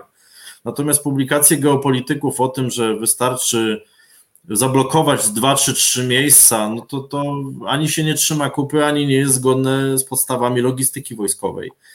Więc e, odpowiedź na to pytanie jest trudna. Pytanie, jakiego typu byłaby to wojna? Czy to by była wojna tradycyjna, czy lotnicza, czy cyberwojna, a może jakieś zielone ludziki? No, Rosja testuje w swoich okolicach e, różne typy wojen, e, ale już też widać na przykładzie Ukrainy, E, i tych rozmów e, w rosyjskich think tankach, które się toczą i niektóre są upubliczniane, że jednak e, no, próba inwazji na wschodnią Ukrainę była błędem, więc spodziewałbym się raczej takiego twierdzenia, że Rosja nie ma interesu, żeby atakować Polskę. Może teraz przyjąć postawę wyczekiwania wobec ruchów prezydenta Bidena i zdaje się, że to właśnie robi. Zresztą Władimir Putin tuż przed wyborami nie potrzebuje kolejnej awantury tego typu. Ale Bartosiak sugeruje, że Polska mogłaby, zresztą pisał nawet wprost, że Polska mogłaby odzyskać, wyrwać Białoruś z rąk Rosji, odzyskać swoje imperium, strefę wpływów, stać się potęgą. Więc Bartosiak sugeruje, że to w interesie Polski byłoby pójść na wojnę z Rosją. I jak pan y, ocenia takie twierdzenia? E, ja może powiem taką metaforą. E, Rosjanie toczyli wojnę krymską. E, I tam jeden oddział mm, po prostu zaczął szarżować na armaty. I brytyjski marszałek, który patrzył na tą szarżę, stwierdził: Pięknie to wygląda, ale to nie jest wojna. W sensie to było bez sensu.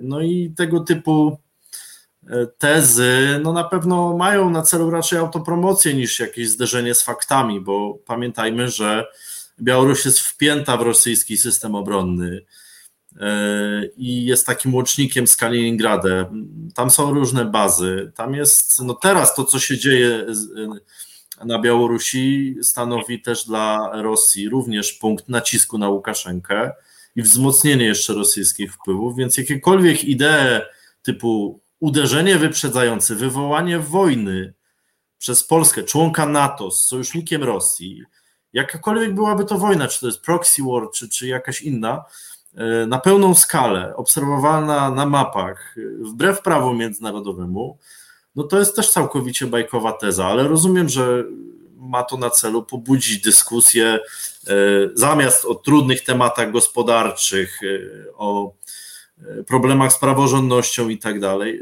że to wszystko ma przykryć no, jakieś inne kwestie. Tak, tak na to patrzę. A e, czytał Pan e, może ten e, artykuł, przypowieść, którą na stronie swojej firmy Strategy and Future opublikował Bartosiak, tę, tą opowieść o Dawidzie i Goliacie? Mhm. Tak, tak. Czy Pan też to odbiera jako aluzję, sugestię, że moglibyśmy sami wygrać z Rosją? No cóż, no to tak jest przedstawione. Natomiast e, no, spójrzmy na to od strony faktów, od strony liczb, od, od strony potencjału wojskowego, od strony rozbudowy infrastruktury sojuszu. na, nasz, na naszym terytorium i na terytorium w ogóle wschodniej flanki. No i wydaje się, że tego typu idee, przynajmniej ich popularyzowanie w debacie publicznej, no nie jest niczym dobrym, no bo zachęca do ułańskich fantazji, a w praktyce przemilcza się różne problemy, który, z którymi no, i Polska, i polskie wojsko w tej chwili sobie radzą jakoś, starają się radzić. Więc wydaje mi się, że to jest, tak jak stwierdziłem, no, sposób na autopromocję, czy, czy firmy, czy idei geopolitycznych własnych, ale y, no, konsekwencje takiego myślenia mogą być niedobre. To jest tak, to jest, to jest trochę smutne. Przypominają się różne takie opowieści o polskich rycerzach, co to e, butów nie mieli, ale sobie złoty herb na piersiach e, e, haftowali i że właśnie marzenie, sny o szabelkach e, mają nam zastąpić no, rzetelną pracę. Takie, taki był kiedyś stereotyp Polaka, bardzo rozpowszechniony wśród naszych sąsiadów, no i niestety teraz się trochę zachowujemy, jakbyśmy chcieli ten stereotyp, ten stereotyp potwierdzić. A wracając do artykułu Budzisza, jest tam jest coś, co mnie zaszokowało i nie tylko mnie, jak rozmawiałem jeszcze z ekspertami. On tam e, sugeruje, że e, ocieplenie klimatu z, z Moskwą, dialog z Moskwą pokazałby naszym sojusznikom, e, nie tylko Ukrainie, ale sojusznikom z NATO, państwom bałtyckim, że nasze poparcie dla nich że nasze wspieranie ich w konfrontacji z Rosją nie jest bezwarunkowe. I to pan tak, tak, tak, tak. przedstawił jako wartość. A to oznacza, że my zdradzamy sojuszników i wystawiamy nasze ewentualne wsparcie na sprzedaż. Takim mówimy, chcecie, żebyśmy was ratowali przed, e, przed napaścią Rosji, to musicie nam coś dać. Jak to wygląda z punktu widzenia no, tego, czym jest sojusz wojskowy. Czy w ogóle wewnątrz sojuszu wojskowego można takie rzeczy robić? Wiadomo, że próbował robić to Donald Trump, no ale on e, deklarował otwarcie, że jest wrogi samej idei NATO. Czy, czy, czy my, którzy musimy, którzy bez NATO nie, nie, nie mamy szans na przetrwanie, a, a, albo niemal nie mamy szans na przetrwanie bez NATO, czy my możemy sobie pozwalać na takie podważanie sojuszu? No I tak się zastanawiam uczciwie, czy to nie był jakiś lapsus ze strony tego autora, ale no spróbujmy pójść tym tokiem myślenia. Znaczy, no narzekamy, znaczy ten artykuł był generalnie zbudowany w taki sposób, że żeby zrobić na złość Francji i Niemcom, to my się sami dogadamy z Rosją. Tylko to w praktyce wygląda tak, że nikt, nam, nikt nas już nie lubi, Donald, Donalda Trumpa już nie ma, więc kto został? No już tylko Rosja została, z którą nie mamy w jakiś sposób na pieńku. Tylko pytanie brzmi, tak zupełnie spróbujmy z zewnątrz na to spojrzeć. Co by na ten temat powiedział elektorat partii rządzącej? Co by na ten temat y, powiedzieli e, analitycy? Jak to na tle Smoleńska wygląda i na tle tego, że od pięciu lat de facto nie mamy z Rosją stosunków dyplomatycznych. Nie, nie ma spotkań na żadnym szczeblu kluczowym. Więc nagle mówienie o tym, że no dogadamy się w zamian za przysłowiowy transport jabłek i, i y, wizy do Olsztyna i Gdańska, no to jest groteska. No tak bym to traktował. Natomiast jeśli spojrzymy na tą logikę taką powiedzmy geopolityczną, tak? Czy to się opłaca? Co my takiego mielibyśmy Rosji do zaoferowania w zamian za taki reset? O, i tutaj się chyba e, e, zacięliśmy. Chyba się e, zacięliśmy. Chyba się zacięliśmy. Musimy się jeszcze raz e, na chwilę połączyć z doktorem Tomaszem Pawłuszką.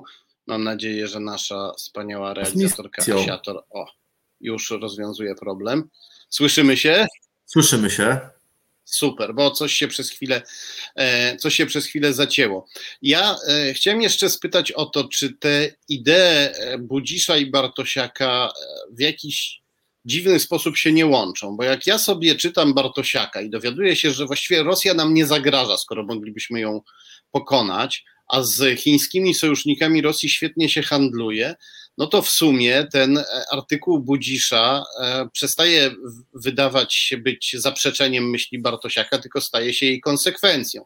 Skoro my od tak możemy z Rosją wygrać i nie potrzebujemy zachodnich sojuszników, to wbrew nim dogadajmy się e, z Rosją, bo możemy.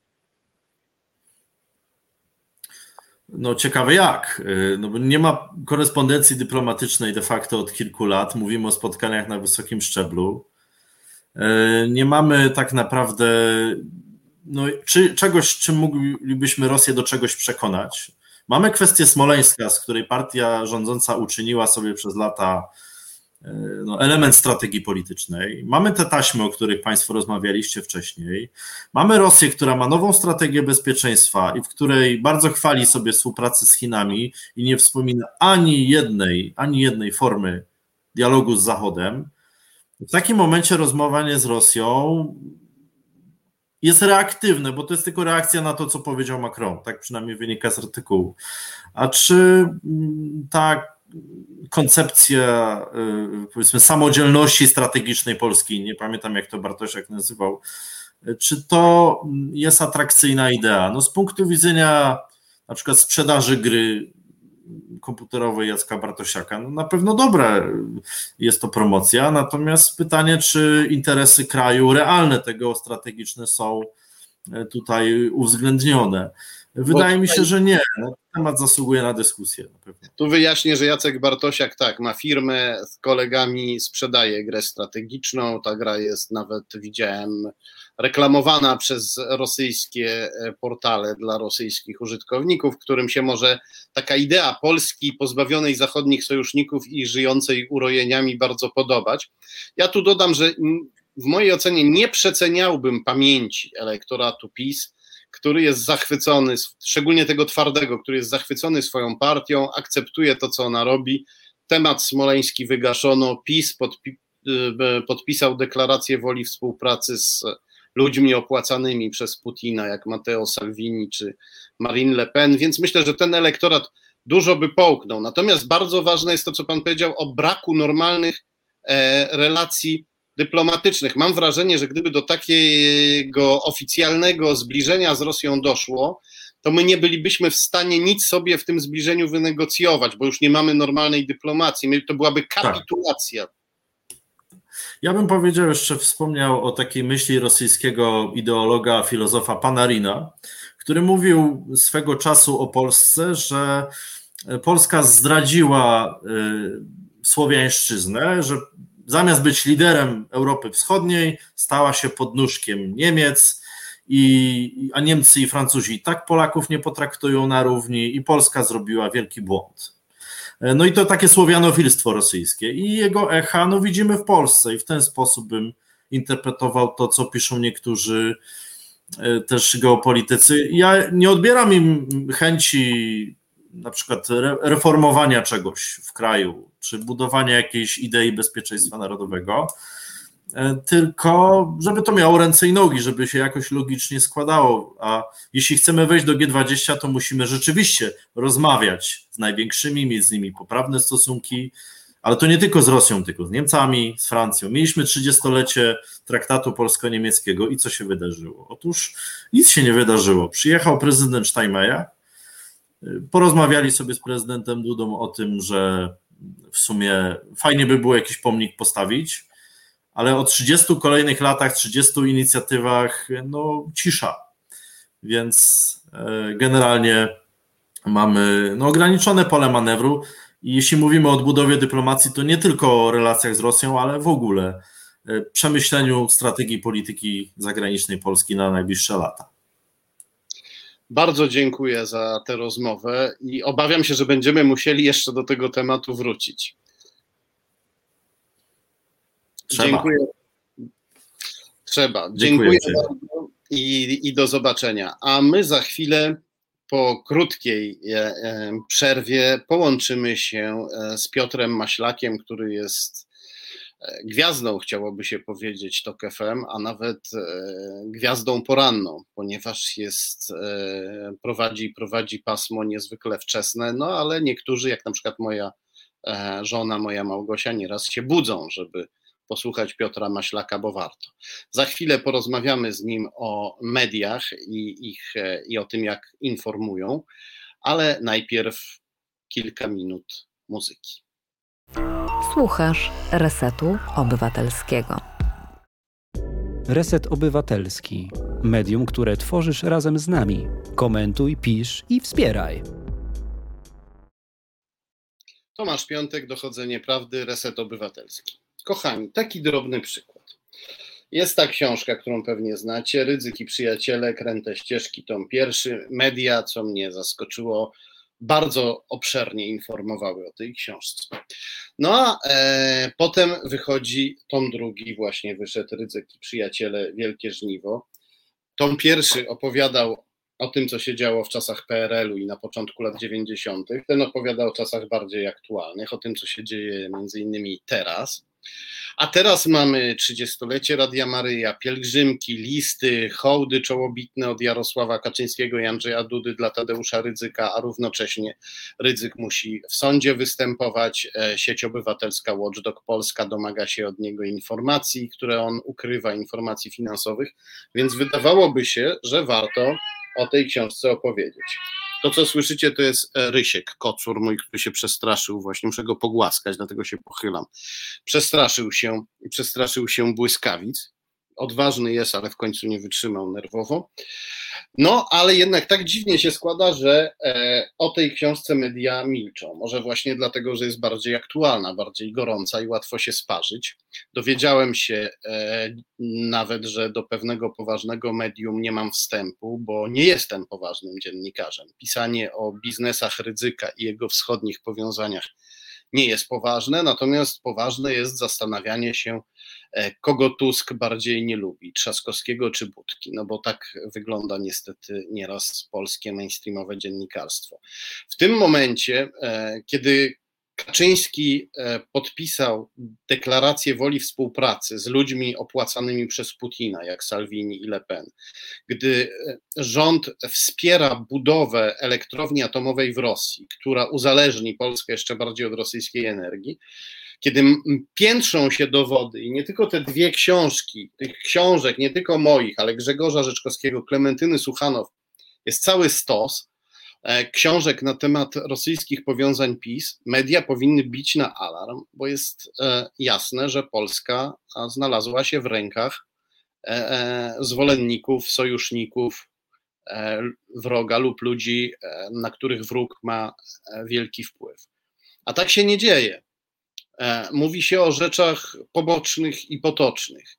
I chciałem spytać naszego gościa, e, który na mediach zna się znakomicie i działa w nich, bardzo e, no, nam prowadzi audycję na najwyższym poziomie. Chciałem zapytać Piotra Maślaka z TOK FM, dlaczego jego zdaniem media milczą o tym, co najważniejsze, o jednym z najważniejszych tematów, jakim są e, związki PiS z Kremlem. Piotr Maślak już z nami jest. E, witam Cię bardzo serdecznie, cześć, miło mi, strasznie dziękuję za to zaproszenie. Wiesz co Tomku, bo to tak zabrzmiało z jednej strony jak pretensja, dlaczego Wy media nie mówicie o czymś, ale z drugiej strony trochę mi pokadziłeś tam te wybitne, wspaniałe i profesjonalne, więc nie do końca wiem, nie do końca wiem na jakiej pozycji jestem, e, ale też wiem, bo też Ty wiesz, że akurat ja należę do tej grupy, która mówi o tym, stara się mówić o tym w miarę regularnie. Więc y, trochę trudno mi będzie odpowiedzieć na to pytanie, bo musiałbym wejść w buty moich kolegów i nawet powiem Ci szczerze, że kiedy mnie poprosiłeś, kiedy zaprosiłeś mnie do siebie y, na rozmowę do programu, to zadałem sobie trud, zadzwoniłem do kilku kolegów i kilku koleżanek. Co się dzieje? Dlaczego, dlaczego wy nie mówicie o takich rzeczach, które stawiają w bardzo jednoznacznym, bo to już, to już nie jest gra, prawda? Wiadomo, że ze służbami ty to wiesz najlepiej, dużo lepiej niż ja ze służbami jest tak, że no, nie złapiesz złodzieja za rękę, prawda? To jest, to jest bardzo trudne. To jest gra, ktoś wie, ktoś nie wie, dochodzi się, szuka. Ale czy, czytałem Twój ostatni wspaniały tekst w Newsweeku o spotkaniach Jarosława Kaczyńskiego. Ja to nazywam w moim programie naradach, naradach z panem e, Wasinem, e, rezydentem KGB. No to to jest tak jednoznaczne I ja nawet wrzuciłem taki post na Facebooka, gdzieś na Twittera, że uważam, że to powinien być temat jedynkowy przez najbliższe dwa tygodnie we wszystkich mediach, a nie jest. I, I mogę tylko podzielić Twoje zdziwienie, bo y, osoby, z którymi rozmawiałem, y, ci dziennikarze i te dziennikarki, mówili, ale wiesz, to tak nigdy nikt nikogo nie złapał za rękę. Ja mówię, no jak nie? Sam Kaczyński o tym mówił. No jak, jak nie, jak sam Kaczyński mówił, że on tak spotykał się tam za tasze, ble, ble, ble. Y, y, Tomek wykonał kawał ciężkiej roboty, wykazał, że żaden to atasze nie był tylko rezydent KGB. Kaczyński chodzi na rocznicę rewolucji październikowej do ambasady sowieckiej wtedy jeszcze y, w Polsce i nic. No ale wiesz, i tu się zaczyna, i to jest moim zdaniem, Tomku, trochę clue, myślę, tego, co udało się Prawu i Sprawiedliwości. To znaczy, to clue polega na tym, że oni poprzez swoje zatrudniane pośrednio, na przykład przez TVP, Katatnet, pewnie znasz agencję z Wrocławia, albo inne agencje, sieją coś, co świetnie y, y, Pomerańcew opisał w swojej książce, to znaczy ferment i nieufność do źródeł tak? I wiadomo, i każdy, kto o tym mówi, to jest y, albo farmazoni, albo konfabuluje, albo jest niezrównoważony, albo jest alkoholikiem, albo jakieś tam dziwne zaburzenia ma psychiczne. Natychmiast zaczyna się ośmieszanie. Każdy, nie wiem, czy za, no, zauważyłeś, na pewno, prawda? No ja siłą rzeczy, bo ja się codziennie dowiaduję, że, e, że jestem naćpany i że to wszystko, co napisałem, no. to jest wymysł Ćpuna i że książkę, w której Kaczyński się przyznał do spotkań z Wasinem, to ja sobie wymyśliłem, a jej okładkę, którą wrzucam do internetu, sam namalowałem podczas e, halucynacji, które mnie dopadły no tak. po narkotyku. No to kiedy y, ja gdzieś tam powiedziałem, y, wspomniałem y, na Facebooku, że będziemy rozmawiali, to natychmiast dostałem taką propozycję od kilku życzliwych troli. Może być z panem Piątkiem Maślak, no nie będę tu mówił, co było po maślak, bo tu się domyślasz, prawda? Jakąś kreskę wciągnął, wtedy będziecie mieli większą fantazję, prawda? No to właśnie na tym polega, na tym polega to działanie. I, i co mnie zaskoczyło, to, y, to, to działa trochę, y, tu jest psychologia wchodzi w grę i nikt na to nie jest odporny. Y, ja czytałem Gustawa Lebona, nie wiem czy znasz, Psychologia Tłumu, genialna pozycja, studiowałem podyplomowo też psychologię grupową, więc ma, mam jakąś wiedzę minimalną na ten temat, to są proste i te same mechanizmy.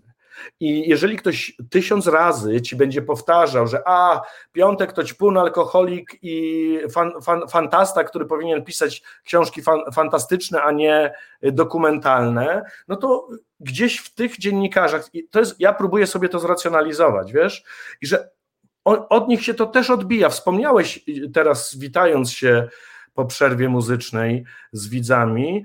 Y, wspomniałeś o tym, że jakieś tam poważne medium cię nie wpuszcza, bo nie jesteś poważnym dziennikarzem, prawda? No to z czego to się bierze? No właśnie z tego, z takiego siania dezinformacji i fermentu. To jest dla mnie zdumiewające. Ja tego do końca nie rozumiem, y, ale tak słyszałem, wiesz, no Tomek Piątek, ale co Tomek Piątek? Czytałeś jego książkę? No czytałem. Masz jakieś zarzuty do, do zdokumentowania te, tego wszystkiego, co tam jest?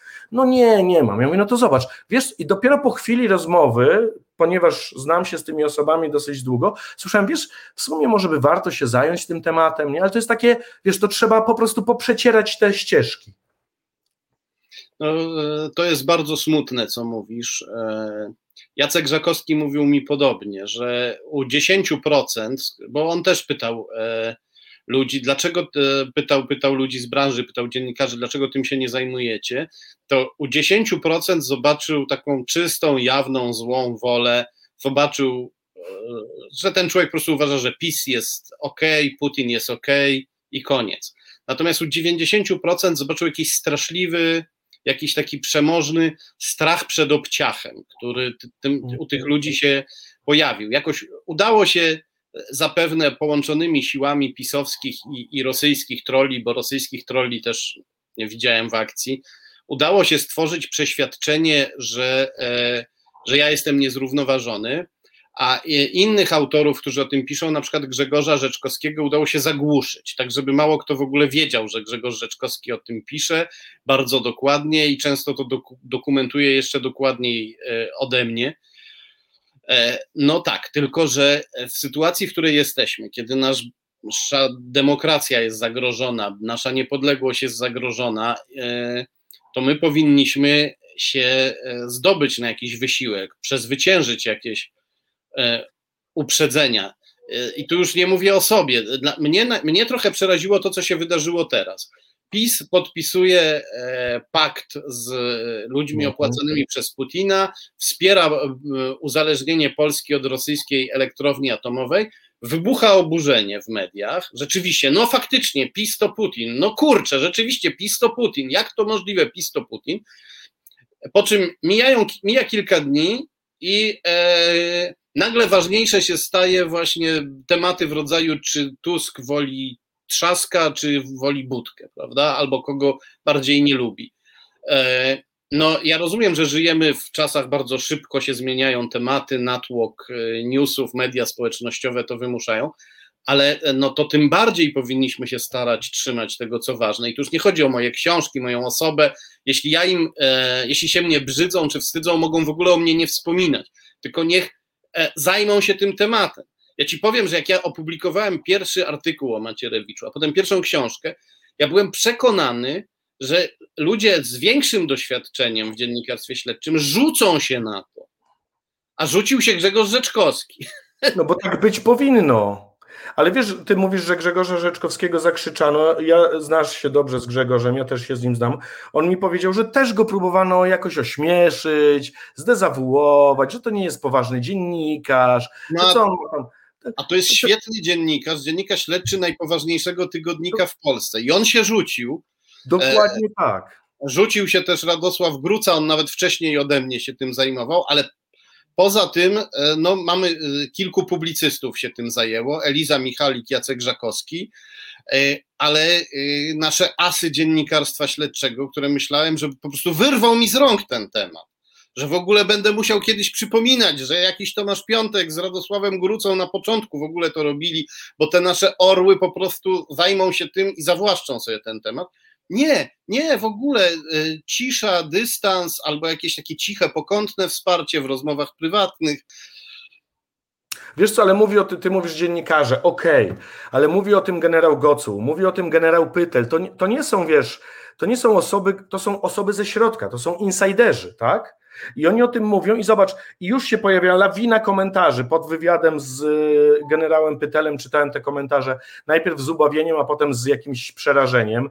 A dobrze, że go wyrzucili, prawda? Widać, że mu coś tam się zaburzyło pod deklem, że snuje spiskowe teorie, czyli dokładnie ten sam mechanizm y, tutaj działa. Ale mnie to dziwi bardziej w tym kontekście, że y, wydawałoby się, że poważni dziennikarze śledczy, są odporni na dezinformację, albo przynajmniej wyczuleni, że wychwytują te momenty, kiedy y, ktoś próbuje zrobić z nich y, balona, prawda, coś ośmieszyć. Okazuje się, że tutaj mechanizmy psychologiczne, one są tak uniwersalne, bo one się dzieją, wiesz, na poziomie świadomym i nieświadomym. Na tym świadomym my możemy wypierać, ale na tym poziomie nieświadomym tego się wyprzeć nie da. I gdzieś z tyłu głowy zostaje takie poczucie, takie wrażenie, e, coś nie do końca z tą książką piątka jest nie tak, czy z Grucą, prawda, że oni coś tam sobie konfabulują, że że powymyślali. Piątek to wiadomo w ogóle y, diabeł piekielny, który tam po prostu y, już się zagubił między ziemią a siódmym kręgiem i,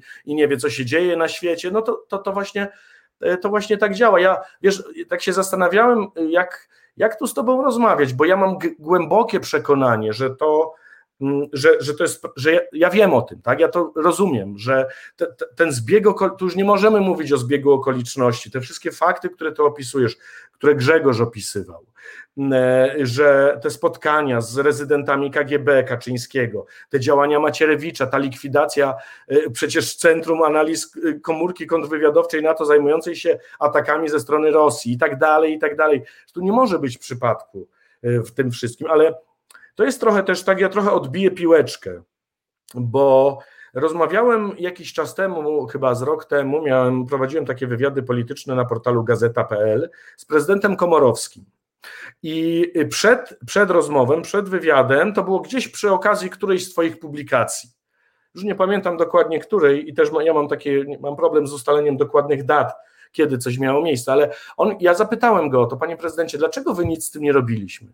I on mi powiedział, nie, to, to tak nie jest. Ja mówię, ale jak nie jest? No, jeżeli y, generał jakiś tam, y, przepraszam, nie mam pamięci do nazwisk, y, z jednostki służby bezpieczeństwa odpowiedzialne między innymi za kontakty z radzieckim wywiadem KGB wnosi o zwolnienie Macierewicza z aresztu, jeżeli y, pewne wydarzenia się dzieją w jakiejś konsekwencji, no przecież wy musieli, pan musiał o tym wiedzieć, panie prezydencie.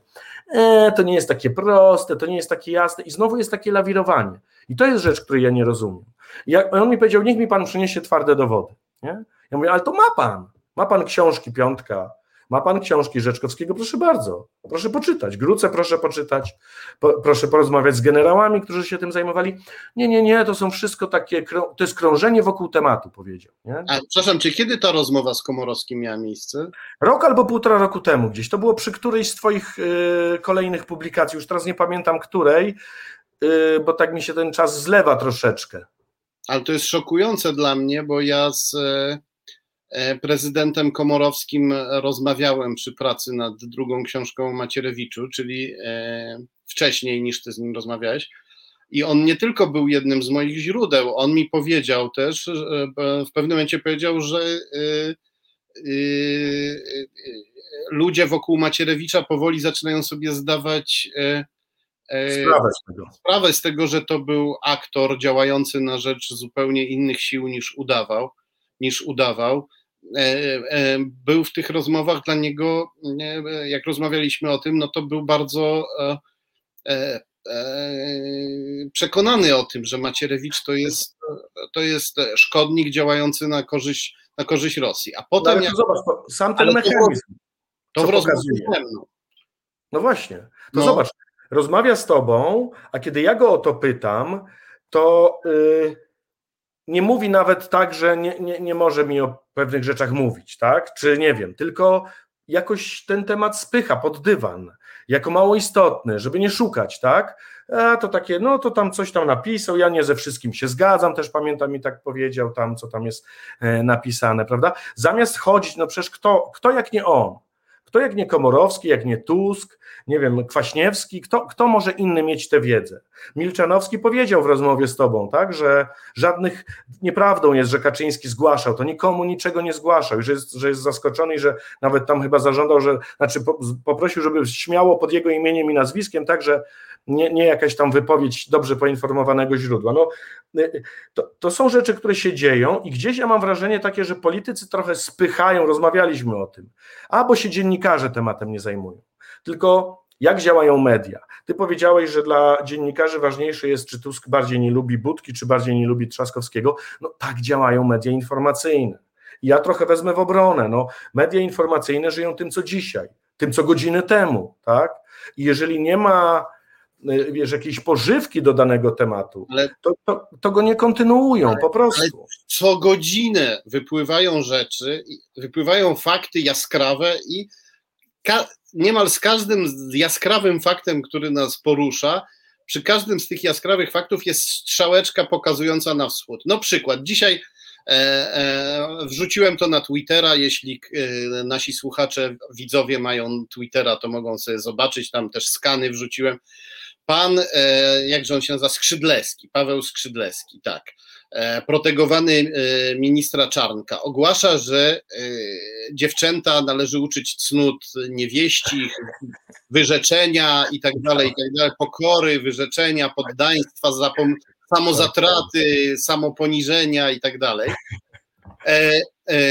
sprawdzam, kim jest ten człowiek. No to jest bywalec lubelskiego klubu Wademekum przy Kul, klubu, którym wcześniej rządził Konrad Rękas, wiceszef e, prokremlowskiej partii Zmiana, kolega Mateusza Piskorskiego, prawa ręka Mateusza Piskorskiego, oskarżonego o szpiegostwo na rzecz Rosji. Występy, e, e, występy e, pana Skrzydlewskiego w tym klubie były pod patronatem medialnym e, portalu i kwartalnika myśl.pl, którego e, jednym z szefów jest Sylwester Chruszcz, były poseł PiS, wcześniej Kukiz 15, który przez ekspertów jest określany jako bezpośrednie narzędzie Rosji, bezpośredni wykonawca woli Rosji w Polsce. Ja sobie zawsze sprawdzam, kiedy ktoś wyskakuje i zaczyna tam wrzeszczeć, że gejów trzeba ukamienować, to ja sprawdzam, co ten człowiek pisał wcześniej, gdzie występował, w jakich jest spółkach i w, w większości przypadków okazuje się, że to jest jakiś znajomy Mateusza Piskorskiego albo znajomy znajomych Mateusza Piskorskiego albo ktoś z grupy rosyjskich łączników Antoniego Macierewicza. I, e, za każdym razem myślę sobie, no jesteśmy państwem bez kontrwywiadu. E, jesteśmy państwem bez kontrwywiadu, a państwo bez kontrwywiadu w pewnym momencie przestaje prowadzić swoją politykę i zaczyna prowadzić cudzą politykę, politykę swojego wroga. Ale czy jesteśmy naprawdę państwem bez dziennikarstwa? Czy to takie trudne sprawdzić, czy ci e, putinowscy krzykacze oprócz tego, że powielają putinowską ideologię w Polsce, czy mają jakieś biznesowe, organizacyjne, polityczne powiązania z jawnymi zwolennikami Putina? To jest albo z rosyjską mafią, z rosyjskim kapitałem. To jest bardzo proste w obecnych czasach. To czasem to jest kilka kliknięć. I dlaczego nasze dziennikarstwo tego nie robi? No znowu nie czuję się adresatem tego pytania. Tak? Nie, bo, ale ja cię pytam nie jako, ja, to, to nie ja jest wiem. pytanie, dlaczego ty tego nie robisz, bo ty to robisz. To jest pytanie do ciebie jako do eksperta. Ja nie potrafię tego wytłumaczyć sobie. Wiesz co, ja y, mogę się też odnieść do rozmowy z moimi studentami na Uniwersytecie SWPS, prowadzę zajęcia dla różnych studentów dziennikarstwa, między innymi. No i ja przeczytawszy twoją pierwszą książkę o Antonim Macierewiczu. Y, poleciałem od razu na zajęcia, no i czy oni w ogóle słyszeli? Coś tam słyszeli. No ale o, o, czym to jest książka? No to ja mówię, to jest książka, która jasno wskazuje na powiązanie Antoniego Macierewicza z rosyjskimi służbami wywiadowczymi, z rosyjskim wywiadem i tak dalej, i tak dalej. No dobrze, ale to, to co? To o co chodzi? No, no jak o co chodzi? Jesteście studentami dziennikarstwa i dowiadujecie się, on jeszcze wtedy był ministrem obrony narodowej, czy nawet w, tak, tak, to, no to mówię, przecież dowiadujecie się, że jeden z najważniejszych członków polskich władz ma bardzo dziwne powiązania z rosyjskimi służbami. No ale to co, to źle? Wiesz, jakby kompletny brak jakiegoś zrozumienia tematu, nie? Ja mówię, a co byście dali, gdybyście taką informację, to byście dali w swoim serwisie? No może by się zmieściło, nie? Znaczy, wiesz, i, o, I ja sobie to wtedy tłumaczyłem tak, że to jest młode pokolenie. Oni mają po 20 parę lat i dla nich PRL to jest trochę tak jak, wiesz, dla nas druga wojna światowa. No wiemy, że była, nie? I wiemy, że była ogromnym bólem i cierpieniem i że nasi dziadkowie to mają traumę być może do dzisiaj jakąś, ale generalnie to jest coś, czego nie dotknęliśmy. I oni nie rozumieją trochę tych mechanizmów. To jest to młode pokolenie. I teraz jeżeli się przyjrzysz portalom, informacyjnym, to tam średnia wieku to jest 27, 9, 30, no nie, nie chcę tutaj jakoś oceniająco, wiesz, ja, ja, sobie próbuję to w taki sposób wytłumaczyć, że to są ludzie, którzy nie mają świadomości, bo oni wychowali się, dojrzewali także zawodowo w wolnym, demokratycznym państwie, nie? gdzie to jest wpisane jakby, wiesz, to jest normalne, że oni sobie jadą do Włoch i nie, nie zastanawiają się, czy brać paszport ze sobą i tak dalej. I nie chcę tu wchodzić głęboko w ten rys taki psychologiczny, ale oni nie, takie też sobie próbuję to wytłumaczyć, nie mają świadomości tego, jak bardzo niebezpieczne gry toczą się wokół każdego państwa, które stoi na stronie Rosji. Nie, tak, tak to próbuję sobie zracjonalizować, inaczej nie potrafię. Obawiam się, że jest bardzo dużo racji w tym, co mówisz, i obawiam się, że to pokolenie to będzie kolejne polskie pokolenie, które będzie musiało na własnej skórze uczyć się, jak bardzo niebezpieczna jest może nie Rosja, bo to wielki kraj i miliony wspaniałych ludzi, ale jak bardzo niebezpieczny jest i okrutny i bezwzględny jest e, Kreml. Bardzo mm. Ci dziękuję za tę rozmowę. To ja dziękuję. Nie wspomnieliśmy Krystyny Kurcza-Bredlich, która wspaniałą książkę napisała. Tak w, w, o, o, Putinie. Moim zdaniem to jest najlepsza biografia Putina w ogóle. Tak, wielkie pozdrowienia dla tak, pani tak. Krystyny, dla Beaty Grabarczyk, która też no. pomaga w szerzeniu tych informacji kluczowych, tak o których jest. mówimy. Bardzo było nas więcej. I, I, wielkie dzięki Tobie. To ja dziękuję Tobie, Tomku, za zaproszenie. To dla mnie ogromny zaszczyt wystąpić u takiego dziennikarza w programie. No po prostu dziękuję Ci bardzo. Ja dziękuję za te słowa i do zobaczenia. Do zobaczenia, dziękuję bardzo. A my już musimy kończyć. Przypomnę tylko, że e, książka Rydzyk i Przyjaciele Wielkie Żniwo jest w księgarniach, jest też na stronie w sklepie internetowym wydawnictwa Arbitror. Powiedzcie znajomym, bo z mediów pewnie się nie dowiedzą, że ta książka istnieje.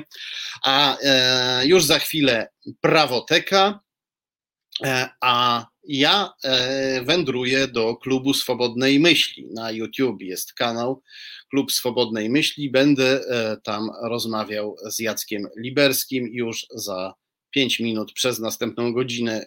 Tak mówię to na wypadek, gdybyście mieli jeszcze siłę mnie słuchać. I dziękuję Wam bardzo za uwagę. Widzimy się za tydzień. Reset Obywatelski. Podobał Ci się ten program? Reset to medium obywatelskie, którego jedynymi sponsorami jesteście Wy, odbiorczynie i odbiorcy. Wesprzyj nas na zrzutka.pl i pomóż budować niezależne medium.